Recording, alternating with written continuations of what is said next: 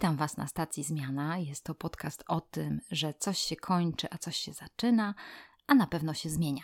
Dzisiaj porozmawiamy na temat przyszłości, na temat algorytmów, na temat sztucznej inteligencji, na temat naszej przyszłości, tego, czy żyjemy dłużej, czy będziemy żyć dłużej, jak to będzie wyglądało. I zaprosiłam do naszego podcastu Edytę Sadowską. Dzień dobry. Dzień dobry, witam Was serdecznie. Cieszę się bardzo, że będziemy mogły o tym dzisiaj porozmawiać. Zapraszam Was do bardzo ciekawej rozmowy.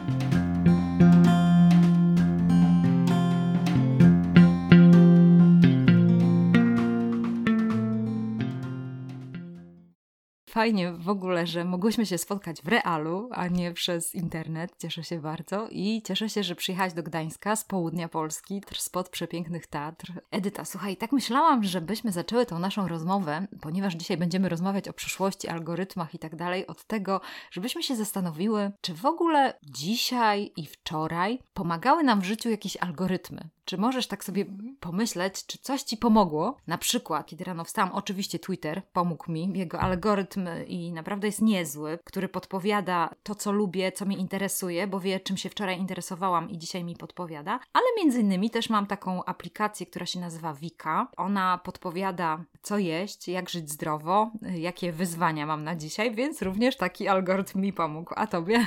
Wiesz co, ja w ogóle na początek chciałam ci podziękować za narrację, którą stosujesz, bo ty użyłaś, użyłaś słowa pomaga. I to się rzadko zdarza, bo my jak mówimy o algorytmach, to zazwyczaj jest taki opór w, w ludziach. My używamy algorytmy, bo pomogły mi one tutaj dojechać wczoraj bez korków. Dzisiaj rano pomogły mi kupić książkę bez przeszukiwania 15 stron w księgarni. Zapewne za chwilę pomogą mi znaleźć restaurację, w której będę chciała zjeść takie, a nie inne Mhm. jedzenie. No tak. Ja mam takie wrażenie, że my mentalnie jesteśmy w jakichś dwóch światach. Kiedy mówimy o algorytmach, tak w rozmowie, to budzi się w nas od razu opór. Nie, algorytmy, jaka prywatność w ogóle? Absolutnie nie. A z drugiej strony, wiesz, my sobie nie wyobrażamy kompletnie świata, który tych algorytmów jest pozbawiony. No bo Tak. wyobraź sobie teraz sytuację, że przychodzisz wieczorem do domu zmęczona i chcesz posłuchać dobrej muzyki, albo chcesz obejrzeć film na przykład, który cię interesuje.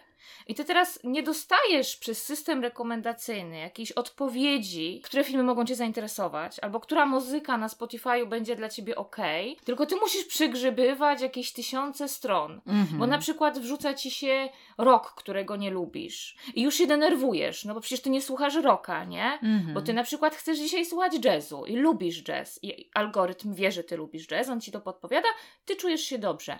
To, co było fajne, Kasia, co powiedziałaś, to to, że algorytmy pomagają. Mhm. I ja myślę, że to jest kwintesencja w ogóle rozmów o przyszłości. To znaczy, ja uwielbiam budować przyszłość, która jest pozytywna i przyszłość, która jest sprawcza. Bo my do takiej przyszłości pozytywnej, czyli pozbawionej, wiesz co, takich cyberpunkowych narracji, Mhm. jakichś przedziwnych historii, wiesz, rodem z filmów science fiction, że algorytmy zdominują nas totalnie, roboty zabiorą nam pracę, my po prostu będziemy tylko siedzieć i patrzeć w sufit. I w momencie, kiedy zaczynamy stosować narrację pozytywną, kiedy zaczynamy współpracować z technologią, to się nazywa cyfrowy humanizm, że to jednak człowiek jest w centrum. To nie jest tak, że technologia rozwija się w ogóle w jakimś innym torze, że ona rozwija się po to, żeby nas zabić, zniszczyć i nie wiadomo co jeszcze Mhm.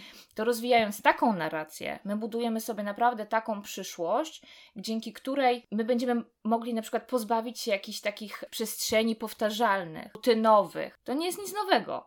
Mamy pralkę, mamy, mamy odkurzacz, Mhm. nie? Rumbę. Mamy często. rumbę, która po prostu ułatwia nam życie. Tak, I to tak. nie oznacza, że my, jak włączymy rumbę, to my sobie siedzimy i po prostu nie mamy co robić, nie? Bo my ten Mhm. czas zapełniamy. Właśnie, właśnie. Natura nie lubi próżni. W tych wszystkich dyskusjach, które bardzo często toczę właśnie na temat chociażby automatyzacji pracy, Mhm. że my na przykład będziemy pracować mniej, no bo roboty mogą wykonać jakieś takie powtarzalne czynności Mhm. we wszystkich zawodach, bo to Mhm. też nie jest tak, że automatyzacja wejdzie nam tylko w zawody takie fizyczne i powtarzalne i rutynowe, ale we wszystkie zawody, bo w każdej przestrzeni, bo nawet w przestrzeni takiej akademickiej, w której ja pracuję, to w momencie, kiedy algorytm pomoże mi wyszukać informacje, to oznacza, że ja nie muszę spędzić trzech dni przeszukując strona po stronie, To tak? prawda. I w tym czasie ja mogę być na przykład bardziej kreatywna. Mhm. Mhm. Więc to, o czym powiedziałaś, to absolutnie tak. Algorytmy pomagają, ja bym powiedziała, trochę nawet usprawniają tą naszą ludzkość. Mhm. I ja mam nadzieję, że one rzeczywiście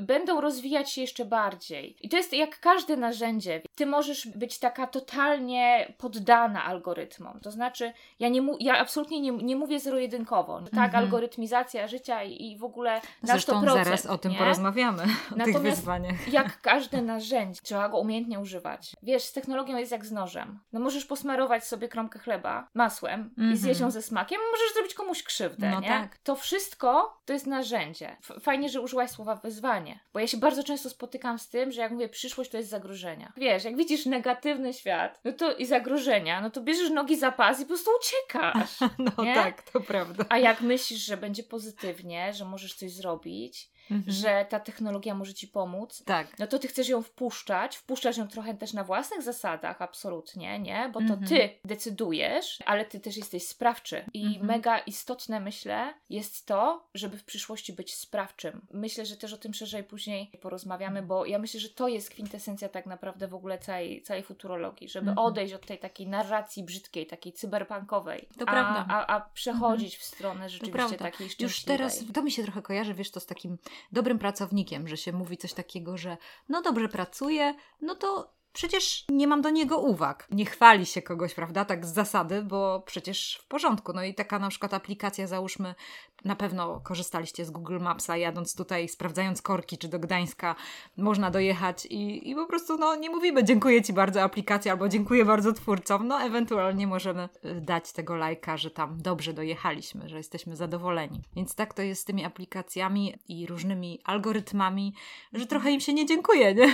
Korzysta z nich, no to do tego służą. Ale Edyta, wiesz co, chciałabym bardzo, żeby nasi słuchacze lepiej Ciebie poznali. Powiedz mi, czym się zajmujesz? Jesteś naukowczynią, fajnie by było, żebyś powiedziała, co Ci w duszy gra. No przyszłość mi w duszy gra. Tak, Przyszłość tak. mi w duszy gra i to chyba, wiecie, dlatego, że ja kiedy weszłam w świat nauki, to ja bardzo szukałam sprawczości. A że nie mam umysłu ścisłego, moja głowa nie wymyśliłaby żadnej maszyny albo żadnego takiego matematycznego rozwiązania, które ludzkości mogłoby pomóc. Ja się z tym no, nie nie mogłam się pogodzić, bo ja w tej humanistyce szukałam cały czas czegoś, żebym ja mogła być odkrywcą. Żebym ja mogła, wiecie, łączyć te kropki, żeby, żeby ta nauka była taka Tak. żywa, żeby ona nie, nie była takim przepisywaniem kolejny raz tego samego, takim mieleniem po prostu i nie, nie wiadomo specjalnie po co. I ta moja droga do przyszłości, ona się trochę poukładała tak naturalnie, bo ja już w pracy magisterskiej zajmowałam się człowiekiem, ale zajmowałam się człowiekiem w tych skrajnych momentach życia, bo zajmowałam się biojurysprudencją, więc już, e, już wtedy tak naprawdę tu profesor Tokarczyk, cały nurt związany z bio- biojurysprudencją, e, lukami prawnymi, jeżeli chodzi o przyspieszanie technologiczne, tu przede wszystkim genetyka, inżynieria, poczęcie i, i też te stany końcowe, związane z, chociażby z eutanazją. Więc od tego się zaczęło i tak naprawdę, zobaczcie, no zaczęło się już od poszerzania człowieka, nie? Mhm. Mm, Później gdzieś bardzo mocno utknęłam w takich przestrzeniach związanych z eugeniką, która zaprowadziła mnie z kolei bardzo szybko do transhumanistów. I jak Mhm. wpadłam w, w przestrzeń związaną z transhumanizmem, no to ja po prostu przepadłam.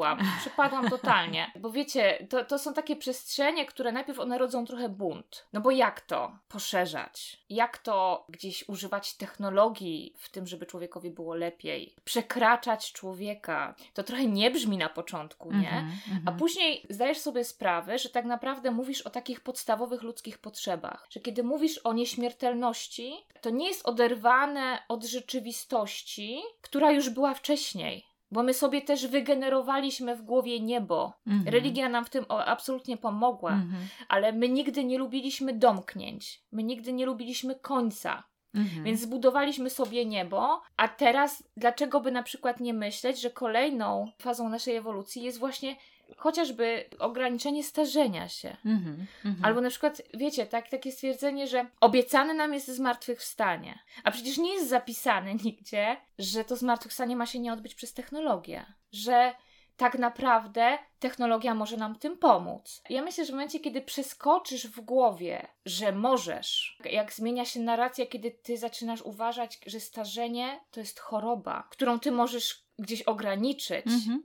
jakie przestrzenie się otwierają, kiedy ty na przykład zrozumiesz, że technologia może ci pomóc i wyciągnąć z tego życia właśnie chociażby takie to, co mówiłyśmy wcześniej, żmudne, powtarzalne czynności. I ty wtedy masz czas na to, żeby być kreatywnym. Żeby żyć. Żeby żyć. Mm. Wśród transhumanistów mówi się, że, że ludzie będą lepsi. Że może Mhm. się tak zdarzyć, że kiedy zabierzemy ten ciężar takich spraw, które gdzieś nam ciążą na plecach, to że my będziemy na przykład bardziej empatyczni. Że Mhm. my się otworzymy na drugiego człowieka bardziej. Może, mam nadzieję, będziemy mieli więcej czasu Będziemy dla swojej mieli rodziny. więcej czasu dla swojej rodziny. Tak. Będziemy mieć więcej czasu na to, żeby się rozwijać Mhm, też. mhm. Stąd ta, ta droga do przyszłości. Dziś chyba mogę powiedzieć, że przyszłość zajmuje najwięcej miejsca w moich badaniach naukowych i mam też bardzo dużą potrzebę opowiadania o tym i mówienia. O przyszłości w szkołach na przykład. Nie mówi się w ogóle. No tak.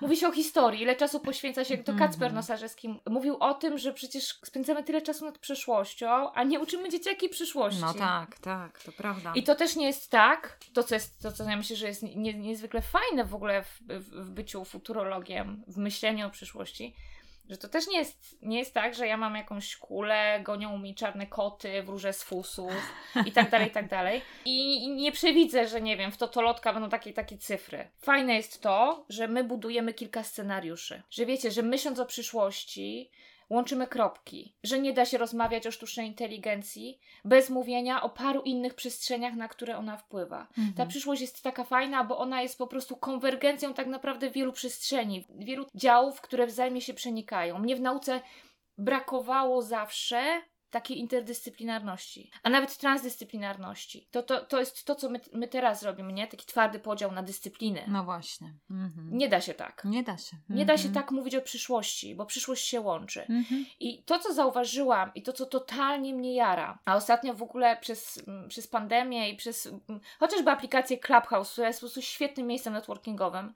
ja poznałam ludzi, którzy rzeczywiście zajmują się przyszłością i to nie są tylko i wyłącznie naukowcy. To są ludzie, którzy są w biznesie zasadzeni bardzo mocno, to są ludzie, którzy są mocno zasadzeni w edukacji.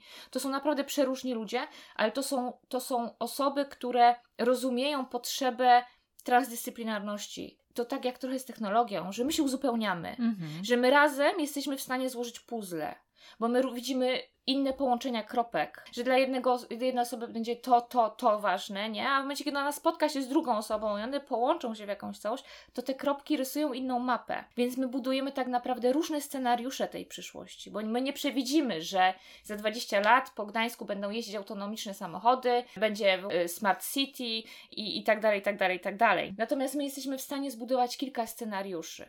Ale budując kilka scenariuszy, zobacz, zos- zostawiasz sobie taką moc sprawczą. Mhm. To znaczy, to ty decydujesz też trochę, w którą stronę to Tak, pójdzie, nie? tak. I, to I jest, tego Mhm. brakuje. To prawda i to jest fajne, bo od razu możemy też e, polecić naszym słuchaczom taki e, raport, który zrobiło ostatnio Instytut Natalii Hatalskiej Gdańsk Przyszłości. Bardzo fajne badanie, Mhm. gdzie powstało ileś kart związanych z przyszłością i jestem naprawdę wdzięczna Natalii za, za ten raport, dlatego że on nie tylko jest taki dla Gdańska, bo w gruncie rzeczy te karty przyszłości można na nie popatrzeć na swoje życie, można popatrzeć na Zakopane, można popatrzeć na Kraków czy na Szczecin i no naprawdę świetna praca, mam nadzieję, że będzie wykorzystywana, bo no już widziałam też tam jakieś takie krytyczne rzeczy, że ludzie nie rozumieją tej narracji, ale wydaje mi się, że grupy osób, które e, zrozumieją o co chodzi, jak bada się przyszłość, jak patrzy się w przyszłość, Projektuje metodologia projektuje, trochę, nie? dokładnie, jak Mhm. się ją projektuje, to wtedy mogą użyć tego do swoich miast i, i zastanowić się, jaka będzie przyszłość ich Mhm. miasta. Edyta, słuchaj, ale powiem Ci, że jak mówiłaś o przeszłości, w ogóle musimy naszym słuchaczom powiedzieć, że mam tutaj różne książki ro- porozkładane i mamy różne zaznaczenia w naszych książkach. Z Edytą mamy nawet, się śmiałyśmy, że mamy tak samo pozaznaczoną jedną książkę. Ale słuchajcie, nie jest tak, że mam też inną książkę i zapewne każdy z nas zna, na Bolesława Prusa Lalka. Leży koło Opasła- Oli Przegalińskiej. do, dokładnie. Właśnie chciałam to, to poruszyć, bo Ola y, Przegalińska zwróciła na to uwagę i to jest naprawdę świetny tip, dlatego że to znamy. To może stworzyć taki most kulturowy pomiędzy przeszłością i tym, co znamy, czego się uczyliśmy w szkole, a przyszłością. I tak naprawdę tutaj w lalce spotykamy trzy postacie. Postać Rzeckiego, postać Wokulskiego i, i postać Juliana Ochockiego. I to są takie trzy postacie, które no, poznaliśmy gdzieś tam koniec, y, końcówka XIX wieku, przemiany, jeżeli chodzi o pracę, o to, co się działo, już ci arystokraci przestają być arystokratami, wchodzą przedsiębiorcy na, na arenę i w gruncie rzeczy może tak jest, że ten czas nasz jest podobny do tamtych mhm. czasów i dlatego właśnie ten Rzecki, no to jest taka osoba, która mówi nie, postęp jest zły, to w ogóle jest niedobre, co się ma dziać, to jest y, złe. Mamy tego Juliana Ochockiego, który jest wynalazcą, młody człowiek, który chce zmienić y, rzeczywistość i mówi: postęp jest dobry, musimy w to inwestować, musimy w to mhm. iść. No i jest ta postać Wokulskiego, który można powiedzieć, że jest taką postacią technologii odpowiedzialnej społecznie, no bo on jednak bierze pod uwagę jedną i drugą stronę i chce jakoś te różne strony pogodzić, wziąć różne elementy, razem połączyć. No i chciałam się Ciebie, Edyta, zapytać, gdzie Ty byś siebie osadziła w tym kontekście, jakby tych trzech posta mm. postaw związanych z przyszłością? Mm. Jak siebie widzisz? Czy widzisz siebie jako taką totalną entuzjastkę, właśnie tak jak Julian Ochocki, może też z powodu Twojego młodego wieku, czy, czy po prostu czasami w Tobie tam taki Rzecki mówi, nie, to jest mm. złe, to mm. wszystkich nas doprowadzi do katastrofy. Mm. Jak to u ciebie jest, mm. powiedz? Jak ja to w ogóle chciałam ci Kasiu powiedzieć, że to jest, to jest świetne, co zrobiłaś teraz, że wiesz, wyciągasz lalkę, wyciągasz lalkę, której nikt w tej szkole nie, nie lubi zdzierżyć po Dokładnie. A I ona jest od... o nowych technologiach. I ty odnajdujesz w tym, wiesz, taką spinkę do, do zmiany, nie? Bo to też jest tak, że my ludzie się zmienialiśmy już nie jeden raz. No to prawda. I to generalnie w schematach wyglądało bardzo podobnie. No tak, tak. Teraz mamy trochę inną technologię, tak, nie? ta sama dyskusja Ale ta toczy. sama dyskusja, mm -hmm, nie? Mm -hmm. Ja często też odwołuję się do bajek, mówiąc o transhumanizmie. Że my zawsze poszerzamy, przecież sok z gumi jagód, nie? No to już to jest mhm. poszerzanie, czy Superman, czy nogi gadżeta, mm Flintstonowie w ogóle. Tak, Flintstonowie. Jetsonowie i mhm. Flintstonowie. Ja tak. zawsze łączę Jetsonów z Flintstonami, tak. bo to jest dla mnie idealne rozwiązanie. Czyli mhm. i natura i technologia. Tak. No ale jak teraz puścisz sobie Jetsonów, to myślisz, to edukacja zdalna. A Dokładnie. kiedyś to oglądałaś, myślasz, co to w ogóle o co jest? chodzi w ogóle, nie? Tak.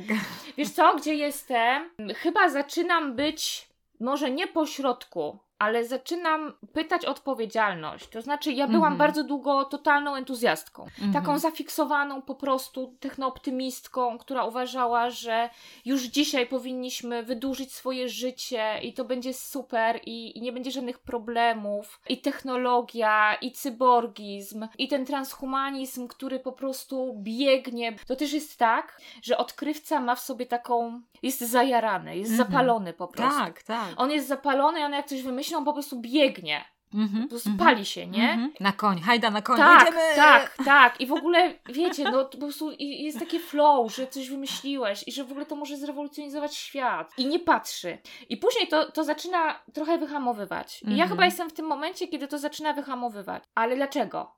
Myślę, że też dlatego, że ja zaobserwowałam taki trochę podział świata. Nic nie powiem nowego. Ta przyszłość nie jest równo rozdystrybuowana. Jest bańka, w której my rozmawiamy tak. o przyszłości edukacji, mhm. o tym, że może być VR, że może być metaversum. I ja potem wychodzę, wychodzę z tej bańki i nagle okazuje się, że, że my społecznie nie jesteśmy na wiele rzeczy. Idziesz do warzywniaka. Tak, idę do warzywniaka. Pomijam już to, że pani warzywniaku chce mi zapakować wszystkie rzeczy w osobną torebkę plastikową Dokładnie, i tak. ja dostaję już po prostu zgrozy w sercu. Ale no, no ja nie powiem jej, że metaversum, nie? I że może będziemy robić zakupy po prostu siedząc na kanapie i, i tak może być. I, I dla mnie to jest bliskie. Od jakiegoś czasu rzeczywiście te dwa światy mi się mocno zderzają. Mocno mi się zderzają. Ja pamiętam jedną dyskusję na, na Clubhouse'ie, taką kończącą cykl, patrząc w przyszłość, który byłam z klubem, z klubem twórców przyszłości z Magdą Gacyk. Babą zajaraną technologią. Polecam książkę mm, o cyborgach, genialną, Zabawy w Boga, ludzie o magnetycznych palcach, gdzie odczarowuje cyborgizm mhm. i mówi, że to, mhm. że to już jest. Masz, nie wiem, masz rozrusznik serca, mhm. masz okulary. I pamiętam pokój,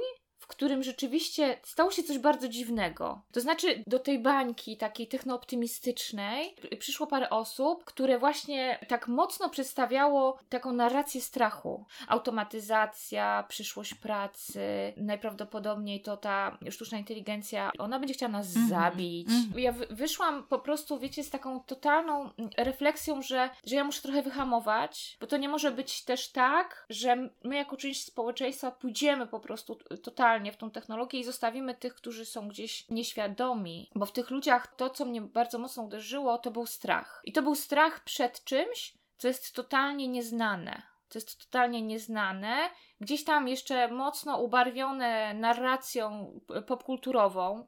Ta narracja zrobiła bardzo dużo złego przyszłości. Mam nadzieję, że mój student znajdzie coś takiego, który pisze pracę magisterską na temat właśnie filmów science fiction i odniesienia do, do, do przyszłości, do budowania w ogóle przyszłości, tego, jak my ją postrzegamy. -hmm. Mam nadzieję, że odnajdzie taką narrację pozytywną, tak. ale że my rzeczywiście musimy zacząć rozmawiać ze społeczeństwem na ten temat. No tak. Że to nie jest tak, że jak przyjdzie e, autonom, autonomizacja totalna rynku pracy, to, to my stracimy w ogóle wszystkie zawody, bo no, no nie możemy zostawić tych ludzi. I stąd chyba ten hamulec, że może nie to, że gdzieś ten technooptymizm mój umarł, bo on nie umarł, jest absolutnie żywy, natomiast ja odczuwam potrzebę i trochę chyba też obowiązek, nie w takiej narracji, że obowiązek ciężki plecak na plecach, mam teraz mam taki obowiązek wyjść do wszystkich i powiedzieć im, że sztuczna inteligencja ich nie zabije, nie? Mm -hmm. Mhm. Tylko ob obowiązek naukowca trochę, żeby wytłumaczyć, żeby wyjaśnić. Ale wyjaśnić nie właśnie z takiej perspektywy, ja teraz stanę i będę do Was przemawiać, tylko pokazać, że tak mhm. naprawdę my z tą technologią żyjemy. My z mhm. tą technologią funkcjonujemy, my mamy konta na mediach społecznościowych, my korzystamy z aplikacji. To nie jest tak, że my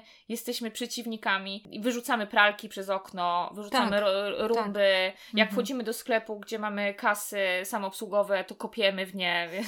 Nie dzieje się takie, takie rzeczy się nie dzieją, tylko tak. ja mam wrażenie, że my po prostu nie jesteśmy świadomi tego, że to jest technologia. Tak, tak. No i może to jest też tak, e, Edyta, zastanawiam się, że właśnie taka mądra technologia i wchodzenie jej w nasze życie, ona będzie taka gładka, bym powiedziała, to mhm. będzie w, tak. wprowadzać takie gładkie zmiany. Jedną z teorii, którą na przykład ma Natalia Hatalska, ona mówi o czymś takim, że w człowieku jest taka natura, że my nie zastanawiamy się wchodząc w technologię. I między innymi, na przykład jak mówisz -hmm. o mhm. Clubhouse, pierwsza z takich e, aplikacji, prawdopodobnie to powiedzieć, że to troszkę starsze pokolenie skorzystało, bo to nie pokolenie -hmm. TikToka weszło na Clubhouse, ale -hmm.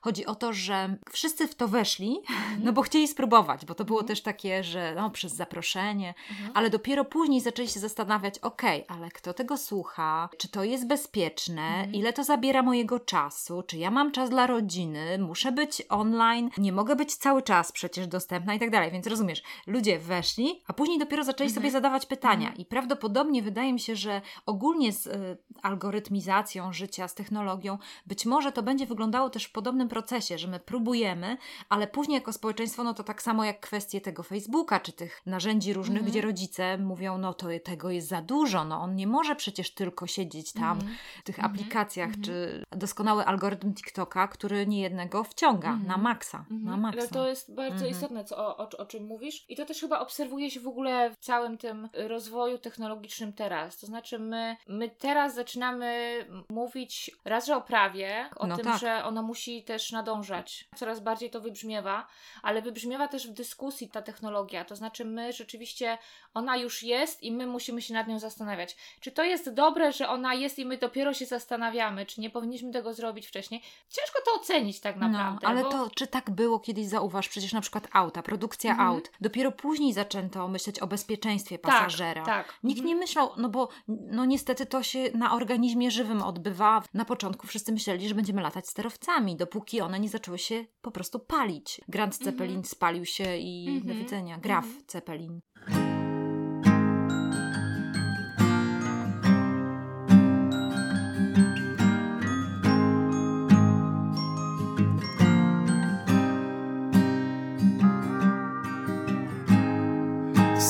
A beginning reverberates in my ears. It came quietly in a flash. Happy birthday, my heart. Welcome to my new life. All this time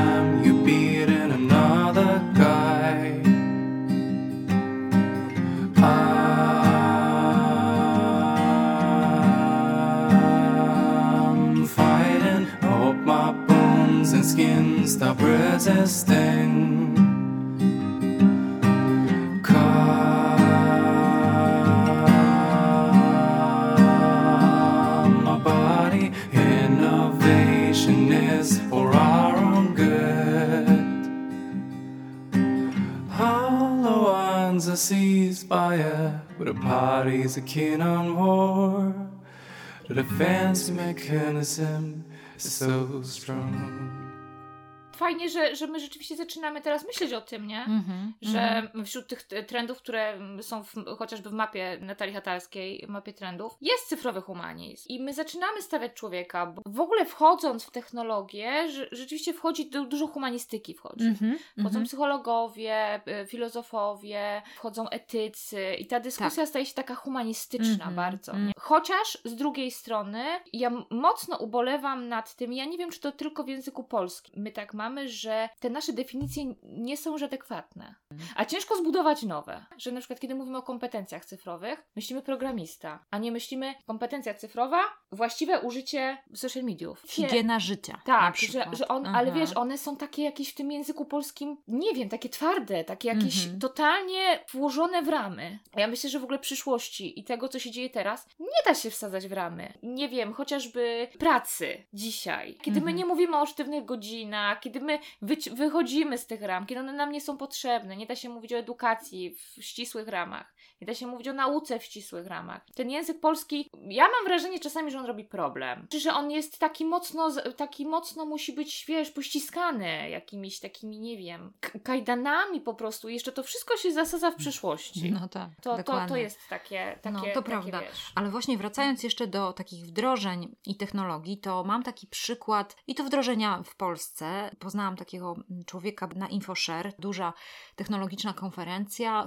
Ludzie narzekają, że na przykład kiedy przychodzą po poradę prawną, to ten prawnik ma dla nich tylko tą chwilę, nie jest w stanie ich wysłuchać, jak do lekarza, prawda? No, y, on tylko od razu ma tych kilka rozwiązań, bo wiadomo, że jest ograniczony czasowo. Przed nim leży sterta papierów, Tak. które on musi przejrzeć. I teraz wdrożenie, przykład tego. Wdrożenie polega na tym, że część takich jakichś tam pozwów, takich standardowych, po prostu robią starzyści. Oni przekładają full papierów, które robią cały czas to samo. Tam jest odpowiedź i wdrożenie polegało na tym, żeby wyeliminować tą pracę stażystów i to zrobi uczenie Mhm. maszynowe, sztuczna inteligencja, która całkiem dobrze sobie radziła też z polskim językiem, bo oni tam mają taki algorytm, który już dobrze rozpoznaje polskie słowa i zrobili wdrożenie w kancelarii prawnej, gdzie 70% tej siły roboczej mogli wyeliminować, czyli tych stażystów i tak dalej. I teraz zauważ, myślę sobie tak, jak o tym rozmawiałyśmy.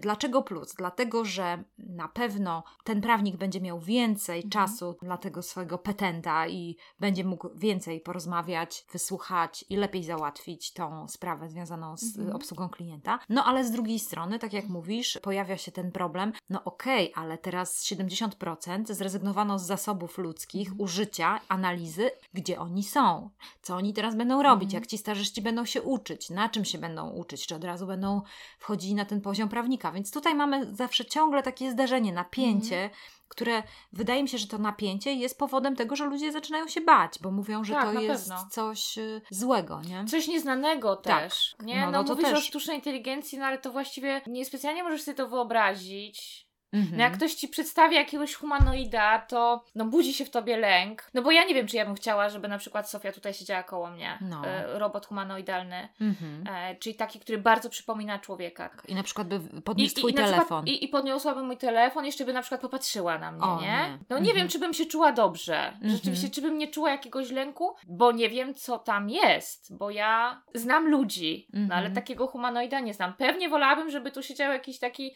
robot rodem z Boston Dynamics, który człowieka niespecjalnie przypomina. Zresztą o tym mówi Do- Dolina Niesamowitości, Tak, tak. że my rzeczywiście, jak coś jest bardzo przypominają, my nie lubimy takiego, takiej, takiej przestrzeni, która przypomina człowiek, która udaje trochę może człowieka. Mhm. Że Mm. czujemy wtedy Że dyskomfort. Czujemy wtedy, czujemy wtedy dyskomfort. To, na co zwróciłam uwagę, gdy mówiłaś o prawniku, to zobacz, znowu mamy taki przechył w stronę relacji. Mhm. Nie? I to jest super, że to po prostu z Twoich ust wyb- wybrzmiewa taki, taki pozytywny aspekt tego. To znaczy, algorytm, sztuczna inteligencja zabiera nam tą pracę, którą Mhm, powtarzamy, a my mamy dokładnie. więcej czasu dla drugiego człowieka. To prawda. To tak jak w medycynie, nie? Mhm. No nie musisz wypełniać sterty dokumentów, bo mhm. może to za ciebie zrobić jakiś algorytm, sz- sztuczna Mhm. inteligencja, a ty będziesz miał więcej czasu, żeby porozmawiać. Mm. To otwiera fajne, fajne Tak, myślę, perspektywy. No tak. pytanie, co, co, co z danymi? No też musimy coś z tym zrobić. Jak się do tego ustosunkować? No bo są tak naprawdę różne pomysły na to. Mamy chociażby Chiny, Tak. które karmią system danymi. My mamy w ogóle też problem w ogóle z, z karmieniem sztucznej inteligencji. To znaczy, tak naprawdę to my dajemy sztucznej inteligencji czo- cząsteczki, na których ona się tak. buduje. No bo jak nie? ona ma się nauczyć No bo czegoś. jak ona się ma tak. nauczyć? I teraz c- co robimy? My bardzo często infekujemy ją. Zobaczcie, na, bo- w botach bardzo często po prostu bot chce się umawiać z tobą od razu na randkę.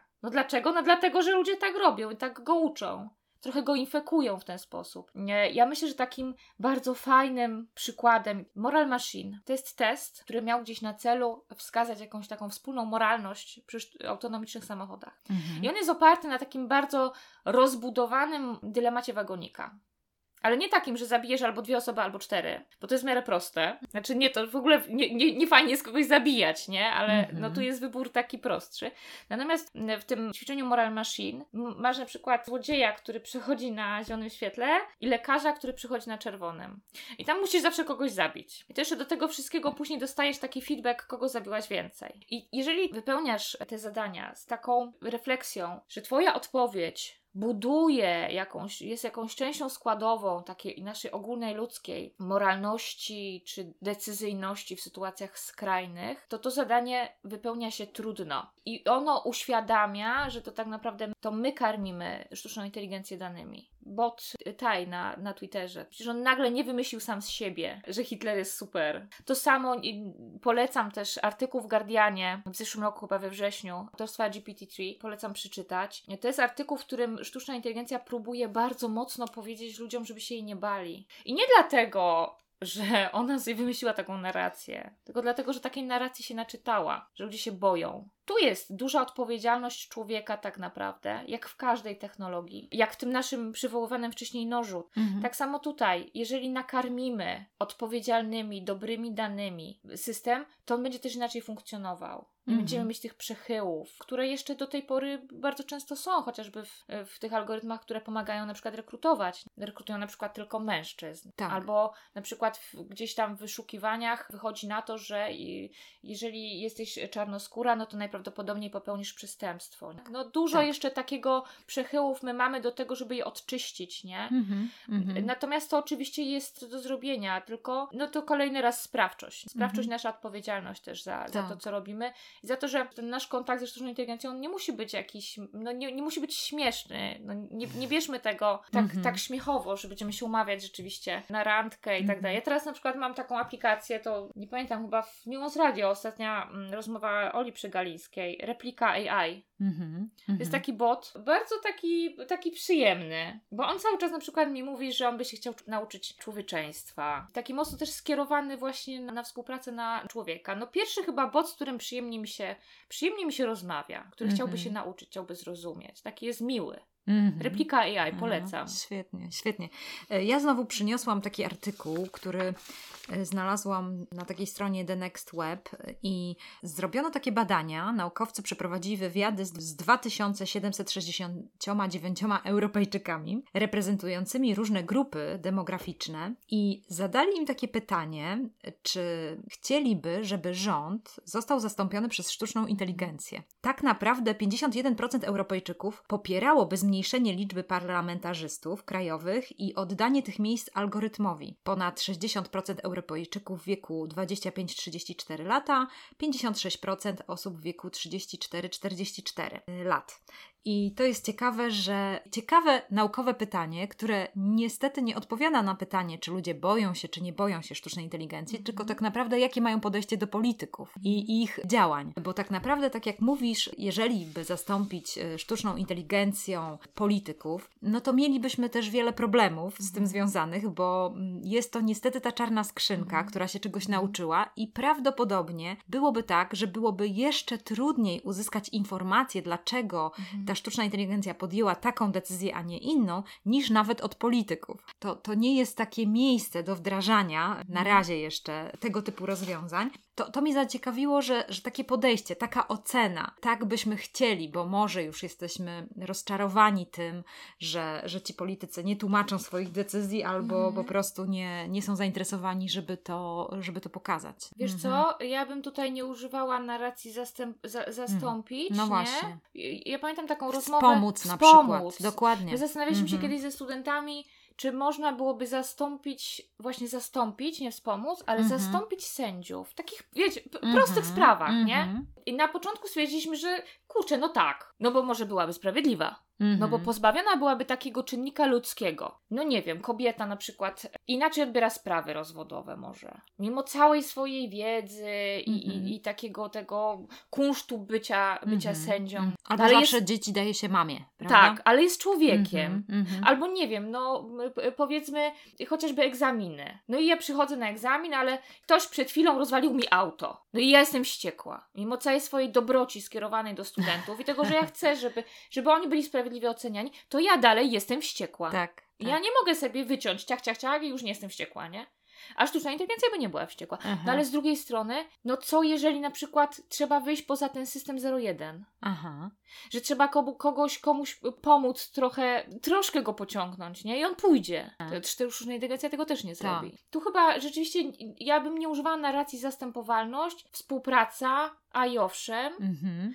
Nie drży mi w sercu, jak na przykład myślę o tym, że sztuczna inteligencja pomaga w medycynie. To znaczy ona jest w stanie Mhm. na przykład świetnie e, przeanalizować moje dane, jeżeli chodzi o, nie wiem, wyniki, badania, Tak. zdjęcia rentgenowskie. Ale w tych przestrzeniach, gdzie rzeczywiście z jednej strony człowiek przeszkadza, no bo jest ludzki, ale z drugiej strony czasami tej ludzkości trzeba też. Tak. No a nie nauczymy, przynajmniej na chwilę obecną, no, no Mhm. nie nauczymy AI emocji. Tak. Ona może je trochę udawać, ale Tak. to nie jest człowiek. Dokładnie. Nie? Cały kłopot polega na tym, że tak zwanej tej czarnej skrzynki, gdzieś ona tam musi pewne decyzje podejmować, no jest jakoś czegoś nauczona, posługuje się jakimiś systemami, jakimiś e, wytycznymi, to jakimiś priorytetami Mhm. i kłopot jest taki, kiedy tego nie wiemy i e, Mhm. ciekawą rzecz e, też dzisiaj przyniosłam, to się stało 14 czerwca. Chodzi o algorytm w Polsce losujący sędziów. Mhm. Nie wiemy, według jakich on działa Mhm. wytycznych. Mhm. Dlaczego ten sędzia, a nie inny Mhm. zajmuje się sprawą? I okazuje się, że algorytm powinien być jasny. Czyli NSA zdecydowało o tym, już jest decyzja Mhm. o tym, że algorytm powinien być jasny. I ciekawe to jest, że pomyślałam sobie, okej, to już się dzieje. Fundacja E-Państwo, Panoptykon, to tutaj było zrzeszenie tego, żeby zacząć mówić o tym, że pewne algorytmy nie są jawne i mogą być używane przez polityków w jakichś y, nie, niezbyt fajnych celach. Mhm. Więc to jest ciekawe, Edyta, Mhm, nie? Że, mhm. że już tutaj są decyzje Mhm. sądu w, te, w tej sprawie. Wiesz, pokazuje, że tak naprawdę przyszłość jest dzisiaj. No właśnie, Nie? tak. I tak. my sobie, my, my sobie z wielu takich przestrzeni gdzieś tam nie, nie, nie zdajemy sprawy. Jakieś inteligentne sprzęty w, w domach, kończąc właśnie na systemach rekomendacyjnych. No to, to się dzieje, dlatego ja myślę, że trzeba czasami po prostu być, y, otworzyć oczy trochę, być świadomym bardziej, Mhm. żeby, żeby zrozumieć. No to tak jak mówimy o nieśmiertelności, nie? Bo, No. Boże, nieśmiertelność, Tak, nie? W ogóle, o czym ty mówisz? Zabawa w Boga, w ogóle nie. No przepraszam najmocniej, ale mamy ojomy. Mhm. No podpinamy ludzi do maszyn, tak? Mhm. Wydłużamy im życie? Wydłużamy. Nie wiem, takie holistyczne też, słuchajcie, na przykład, nie? Po- Podejście. Przecież nieśmiertelność, radykalne wydłużenie życia ludzkiego to nie jest tylko technologia. To jest zdrowe odżywianie. To jest e, medytowanie, ćwiczenie jogi, oddechu. To jest Mhm. ca- cała masa Bardzo rzeczy. często przy pomocy jakiejś aplikacji. Często przy pomocy aplikacji, która Tak, gdzieś te szumy tak. nam, nam pokazuje, że nie jesteśmy skupieni. Przecież to, to wszystko się dzieje. Mało tego, ale to jest kolejny przykład też na to, że my, kiedy zapytani o to, co sądzisz, to o Boże, nie. Kiedy ja zawsze zadaję studentom jedno pytanie. Czy jesteś w stanie określić, że któregoś dnia po prostu podniesiesz rękę i powie- powiesz, tak, ja jestem dzisiaj gotowy, żeby umrzeć. Ja nie wiem skąd się nas bierze, że na przykład jeżeli chodzi o właśnie nieśmiertelność, radykalne wydłużenie ludzkiego życia, my jakoś tak boimy się przyznać do tego, że my byśmy chcieli. No bo wszyscy byśmy chcieli. Żyć dłużej. Żyć dłużej, nie Mhm. starzeć się. No przecież kobiety używają kremów, no to, to nie jest jaka, jakiś przymus. Ale przecież my nie chcemy umierać. Przecież Mhm. my robimy wszystko, żeby żyć jak najdłużej. Tak. A no to wpuśćmy tą technologię, pozwólmy jej. No to, to nie jest jakieś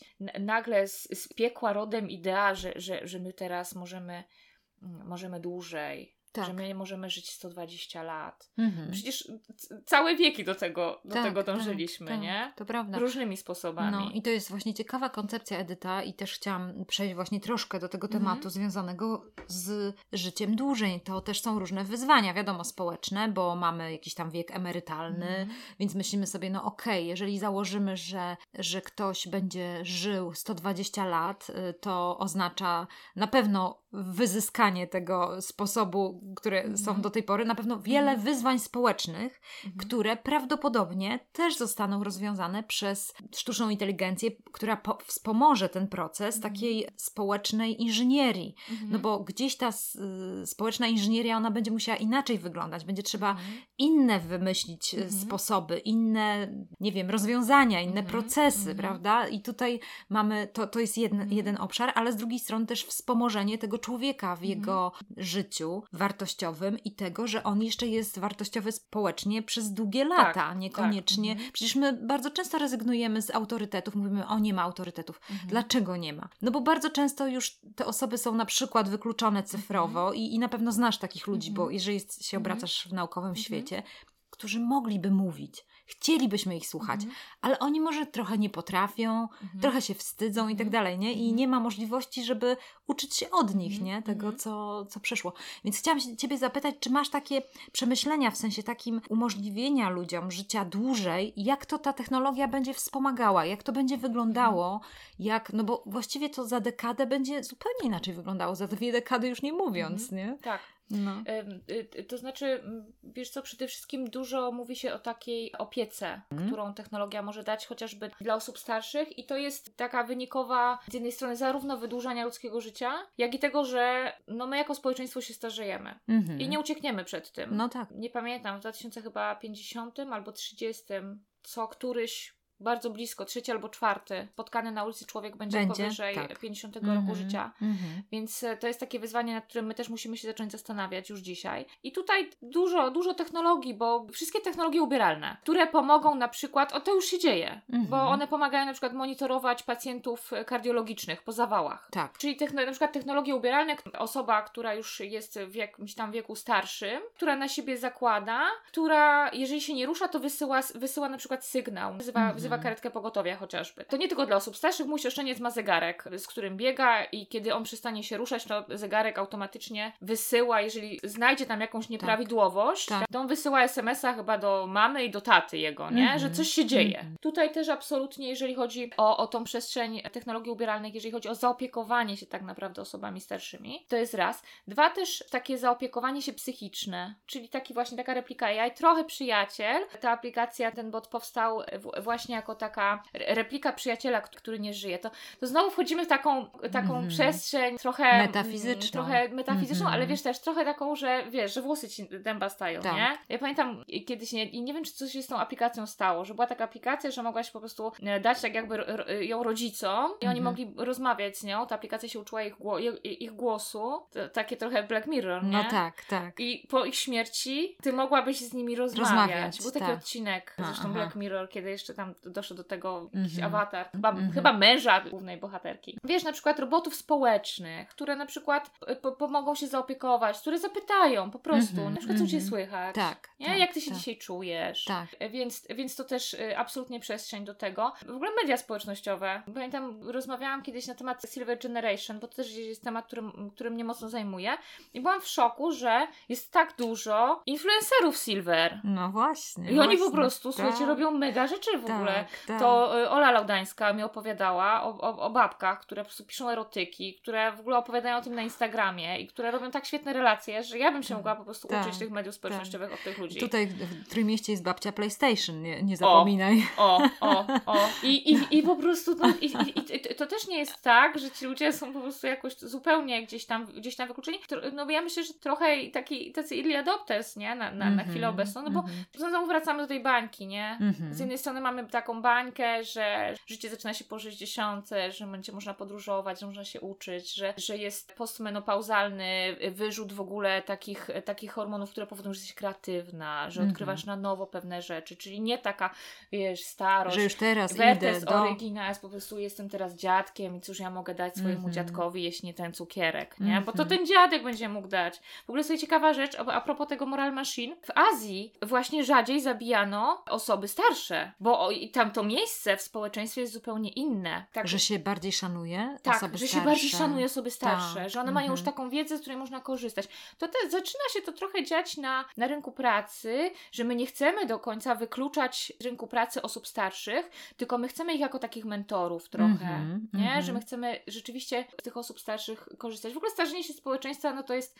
to jest totalne wyzwanie. To jest totalne wyzwanie, które dotyczy tak naprawdę no, każdej przestrzeni naszego życia. Mhm. I ono już bardzo mocno wchodzi. Bo chociażby zwróć uwagę, że w reklamach pojawiają się kobiety, które mają siwe włosy. To się zaczyna dziać teraz, rzeczywiście. że tak. marketing może być skierowany też do osób starszych. Nie wiedziałam, Tak. czy reklamy kremu 80+, plus. Ch- chyba, zrobię dzisiaj taki research, czy jest taki 80+. Plus. Właśnie 80 plus jeszcze nie, Jeszcze nie ale, ma. 70 Ale plus 70 już plus, jest. nie? Właśnie to byłam zdziwiona i powiem Ci, Edyta, że jeszcze byłam na takiej konferencji, tutaj też takiej dużej w Gdańsku, e, marketing, chyba marketing w, kult- w kulturze, no nie Mhm. pamiętam, jeden z takich technologicznych, gdzie się mówiło o marketingu i 5 lat temu, słuchaj, gdzie ktoś przedstawił mega badania niezagospodarowanej niszy zupełnie Mhm. tego pokolenia, no 50 plus, gdzie tylko były reklamy, które dotyczyły osób, mnie boli, które... tam nie strzyka. Tak, dokładnie, więc w ogóle się po 50 plus nie, Mhm. nie odnajdowali w tym, Mhm. zupełnie już nie mówiąc 60 plus i tak dalej, tacy Mhm. aktywni. I jak widać zmienia się, patrz, 5 Mhm. lat i Tak. zupełnie Ale to inaczej. 5 lat to teraz wiesz, to, to, Mhm. to jest No niesamowite, że w tak. ogóle 5 lat dzisiaj to, to jest taki Tak, przeskok tak, technologiczny, tak. że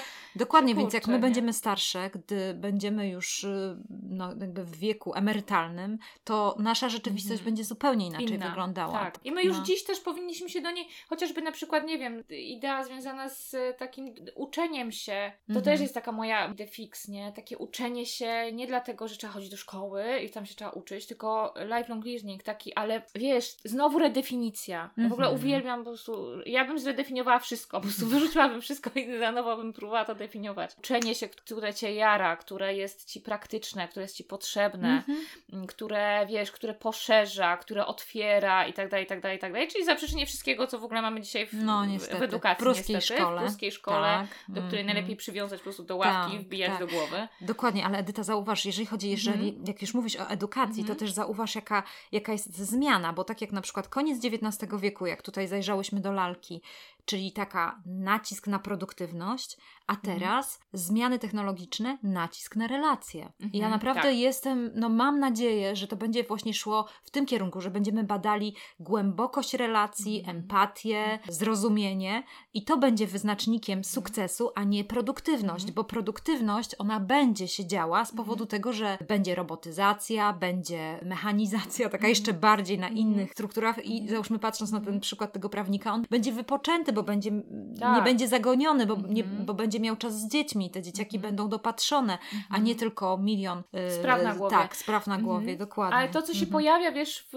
w raporcie o przyszłości edukacji, Mhm. scenariusze 2045, e, Instytut Natalii Hatalskiej, Tak. Kolegium Da Vinci, świeżynka, zeszłotygodniowa, tam na przykład dużo się mówi o takim dobrostanie e, Mhm. uczniów. To Mhm. jest super, że my Tak. wreszcie zwracamy uwagę, że oni się muszą czuć dobrze też. Mhm. Nie? No właśnie, a jak jest zakochany, to też mniej się No. uczy wtedy, Ale to tak nie? jak, jak m- mówiłaś, że na przykład młody człowiek chce więcej spać, nie? No na A przykład. on ma ze mną zajęcia o 8.30. Tak. Ja jestem niewyspana, on jest niewyspany, wszystko jest do kitu. No właśnie, no jak Więc mamy fajnie, że pracować. zaczynamy Mhm. Zwracać też uwagę na, na inny model edukacji, na to, że no to, co było, już nie jest adekwatne. Mm. Ja się też czasami nie dziwię, że ludzie nie chcą się uczyć już w ten sposób, bo to jest dla nich niepraktyczne, po Mhm, prostu. mhm. Zwłaszcza, że też pandemia zrobiła takie przyspieszenie, taką otwartość na to, że ty tak naprawdę dostęp do kursów masz nieograniczony. Część jest za darmo, część jest taka, że treść masz za darmo, jeżeli chcesz certyfikat, to przecież uczelnie zagraniczne Stanford, to, to, to tam wszędzie możesz po prostu Dzielą zrobić kurs już wiedzą. dzisiaj Mhm. dzielą się wiedzą, to,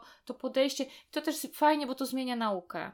Bo to Mhm. zmienia naukę Tak. nie z takiej, wiesz, tak akademickiej po Mhm, prostu, mhm. nie, twardej, biała koszula, marynarka i ja jestem po prostu źródłem mądrości wszelakiej. Tylko ja mogę wykładać z katedry, mówić, przemawiać do was. Tylko takiej nauki, która jest praktyczna, która jest tu i teraz, która jest taka otwarta na drugiego człowieka, która przede wszystkim jest też w relacjach, bo ja w ogóle uważam, że nauczyciel, niezależnie od której tak naprawdę, w którym etapie edukacji, to też powinien być taki trochę coach, nie? Mhm, mhm. To powinien być przyjaciel. Ja kiedyś używałam na początku swojej kariery uniwersyteckiej i też mam takiego człowieka, którego ja nazywam mistrzem. I nie Tak. dlatego, że on mnie, wiesz, uczył, nie wiem, polityki gospodarczej, czy, tylko dlatego, że on mi pokazał, jak to się robi. I ja dlatego go cenię. Ja nie cenię go za to, co on mi przekazał na zajęciach. Ja cenię go za to, że on wpoił we mnie, że można się jarać nauką. I że to jest kwintesencja, bo dla mnie, jak ktoś jest naukowcem, no to on się powinien jarać tym. I, i też tak powinien uczyć, tak powinien zapalać drugich. Dzisiaj jest masa narzędzi do tego. Mhm. Też w formie zdalnej. Zwłaszcza, że my też możemy korzystać chociażby z psychologii. No Jak to wszystko zacznie się ścierać ze sobą, no to my, my też będziemy inaczej traktować chociażby proces uczenia tak, się, nie? dokładnie, ta silosowość Tak. zniknie. I, i, Mhm. I chociażby, nie wiem, microlearning, nie? Że my chcemy się uczyć w krótkich odstępach czasu. My nie chcemy siedzieć 5 godzin na wykładzie. 15 minut na przykład teraz, albo 15 minut później, bo możemy to na przykład robić w różnych momentach. Tu na przykład Janusz Petruszyński mi powiedział ostatnio o, o słuchawkach, w których możesz pływać i możesz wtedy słuchać podcastów. No patrzę w Mhm. ogóle, jaka przestrzeń, nie? No tak. Pływasz i słuchasz podcastów, albo Mhm. pływasz, uczysz angielskiego. Mhm. Nie? Mnie mhm. na przykład w, na początku pandemii, z uwagi na to, że ja zawsze słuchałam książek albo podcastów, jakichś wywiadów, w drodze, kiedy podróżowałam między mi, moim miejscem zamieszkania a miejscem pracy, nie? I rzeczywiście gdzieś ta przestrzeń mi się straciła nagle, no bo Mhm. przestałam jeździć. Ale właśnie wykorzystanie, wykorzystanie po prostu czasu na to, żeby gdzieś na chwilę na przykład, a zobaczę, co tu się dzieje na takim Tak. programie. Zresztą polecam, jeżeli ktoś o sztucznej inteligencji, św- świetny kurs e, Elements of AI, Uniwersytet Helsiński. Taki wprowadzający bardzo, ale rzeczywiście, no za darmo w ogóle. Mhm. Certyfikat możesz dostać e, tego, więc to też jest na pewno zachęcające. No możesz się nauczyć, możesz się uczyć w każdym momencie tak Mhm, naprawdę. mhm. Mało tego, budują też tam społeczność, w której możesz dyskutować. To jest fajne. Mhm. Że znowu nacisk na relacje. Okej, Edyta, wiesz co, lądujemy z naszą rozmową. Tak sobie myślę, zaczęłyśmy od naszego dnia tu i teraz, dzisiaj. A jakbyśmy się tak przeniosły 20 lat do przodu, jak my byśmy mogły pomyśleć, jak będzie wyglądało nasze życie 20 lat do przodu? Jak to by wyglądało? Ja myślę sobie o tym, że ja chciałabym być nadal aktywna zawodowo. Myślę sobie o tym, że być może miałabym swój ogródek, w którym rosłyby jakieś warzywa, ale prawdopodobnie, jeżeli bym zobaczyła jakąś e, chorobę na nich, no wiem, że już teraz są takie aplikacje, ale na pewno by było tak, że miałabym taki komputerek w domu, który by zawiadamiał o tym, co tam się dzieje i jak trzeba pomóc roślince, co tam trzeba jej dać z naturalnych składników, żeby lepiej rosła. No na pewno rano bym się budziła i miała jakiś zestaw treningowy dla mojego życia i jedzeniowy, Mhm. który bym przygotowywała. Na pewno też jakaś lista zakupów by się od razu pojawiała. Co tam jeszcze mogłoby być? Jak Wiesz myślisz, co, jak u Ciebie? M- mnie w No. ogóle totalnie jara pomysł, który Ola Przygańska opisuje na pierwszych stronach. To mnie ta szafa jara. Mm. Wiesz dlaczego? Bo, bo to jest odwieczny problem kobiety. Tak, co mam nie? włożyć Co ja siebie? mam na siebie włożyć? Tak. A tu wiesz, wie o tym AI, że na przykład po południu będzie padał deszcz, więc on mi przygotowuje taki strój, żebym ja na przykład po południu miała też kurtkę. A, Daje mi możliwość wyboru, bo fajnie by Tak. było, żeby na przykład, tylko nie za dużo, no to powiedzmy t- takie dwa outfity, żeby mi przygotował, Mm. nie? To to by było takie rozwiązanie takiego mojego odwiecznego problemu. Stoję przed szafą nie mam się w co Masz ubrać, mimo rację. że mam dużo ubrań, a tutaj algorytm wie, że na przykład, nie wiem, no mam takie i takie spotkanie z tym i z tym, Tak, no bo jest- pasuje się ubrać w ten Tak, i ten sposób e, i on mi po prostu daje takie dwa outfity, więc No tak. pozostawia mi możliwość wyboru między jednym No właśnie, że drugim. idziesz do lekarza na przykład albo i Tak. masz jakiś wykład. To... I, I on mi daje. To, to, to jest takie, taka, taka fajna Mhm. przestrzeń. Ja też mam nadzieję, że ta przyszłość związana z technologią i z, ze zmianami na rynku pracy, ona uwolni mnie od miejsca. To znaczy ona mi pozwoli, e, po prostu jeżeli będę miała ochotę pracować z plaży na kosie, to ja będę mogła to zrobić. Mhm. E, I, Mhm. i, I gdzieś te relacje, one pozwolą się budować. To też nie oznacza, że one znikną z takich relacji międzyludzkich, bo ja na przykład totalnie się jaram. Na przykład teraz zobaczę się z moimi dziewczynami z angielskiego, z którymi znam się prawie od roku i widzimy się codziennie, widzimy swoje twarze. Nie znałyśmy się, to, to jest istotne, nie znałyśmy się do tej pory. My nie znamy się w ogóle ze świata fizycznego. Tak. Zna, znamy się tylko i wyłącznie ze Skype'a. Mhm. I my już jesteśmy podjarane, bo my się zobaczymy w niedzielę i my zobaczymy swoje stopy.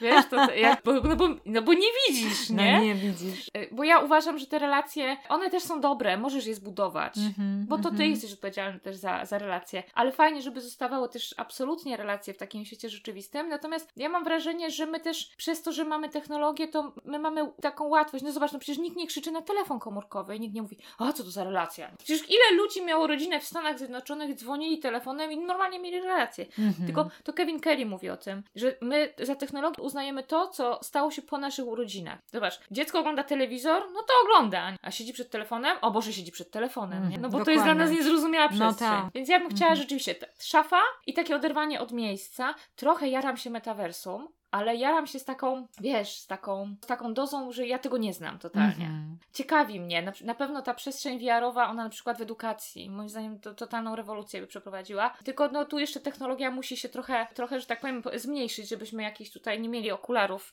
które będą nam ciążyć na oczach i żebyśmy jakoś ten błęd nie uspokoili w, w tej przestrzeni. Natomiast wyobraź sobie na przykład, że uczysz się historii, oglądając na przykład bitwę pod Grunwaldem. Mhm. oglądając ją, uczestnicząc w niej tak, po prostu, tak. nie? No to w ogóle są Mhm. przestrzenie, które totalnie gdzieś jarają. Ale z tą szafą to chyba to, to taki jest fa- fajny pomysł dla mnie. Nie wiem, tak, mnie Tak, jakoś tak. Ja też ułatwił. właśnie to szafa i też te odwieczne pytanie, co na obiad. O, to wiesz. tak, tak. To, ale to już trochę, wiesz? Już teraz tak. Już trochę, tak? no. Thermomix potrafi ci Właśnie gdzieś to tak. posynchronizować, I też, y, nie? no, jest już ta technologia jednak termomiksowa i później tych planów zakupu. Ale zakupy też, nie? Te Mhm. lodówki, które ci Mhm. pokazują, wysyłają po prostu. Na przykład on Mhm. wysyła od razu do sklepu, wiesz, no to, to kurczę, przecież tak. no, chcecie tak. chodzić na zakupy? No właśnie. Wiesz, z tymi siatami potem wracasz, a, a to, Mhm. to przecież to można wszystko jeszcze dronem ci to przyleci do domu. No, No. czad. Bardzo możliwe, że za 20 lat tak będzie. Będziemy sobie rozmawiały, to jest Zakopanem, ja w Gdańsku i tutaj Edyta usiądzie na mojej kanapie w formie wirtualnej. W wirtualnych sobie... ciuchach na Tak, przykład. Już dokładnie. są takie,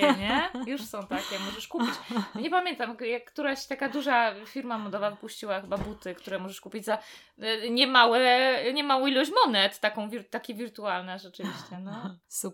Więc my patrzymy z optymizmem na Tak. przyszłość, jak e, Wokulski, który jest odpowiedzialny i myśli sobie o tym, jak to dostosować. Dziękuję Ci bardzo, Edyta, za rozmowę. Dziękuję Ci za inspirację i za Twoją pracę naukową, która jest super, e, za to, że chciałabym być Twoją studentką.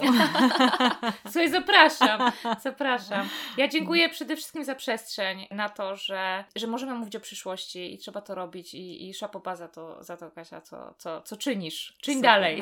Dzięki. Do usłyszenia. Do usłyszenia.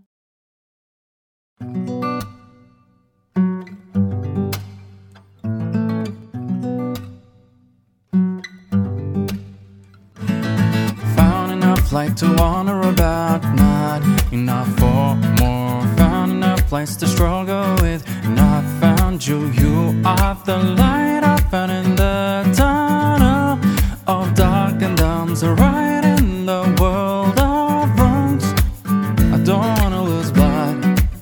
nah, nah, nah, nah, nah.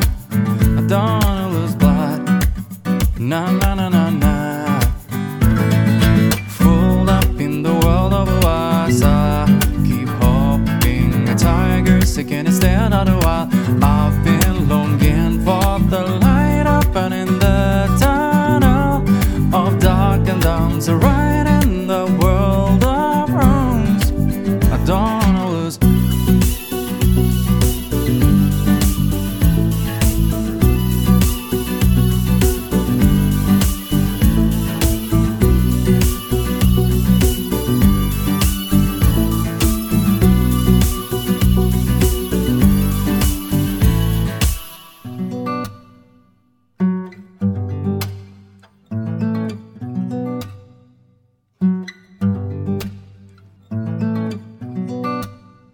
Na na na na na na na na na na na na na. Na na na na na na na na na na na na na. Na na na na na na na na na na na na. Na na na na. Found enough light to wander about, not enough for more. Found enough place to struggle with, not found you. You are full up in the world of Wasa. Keep hoping a tiger sick and stand out a while. I've been longing for the light I found in the tunnel of dark and dumb, so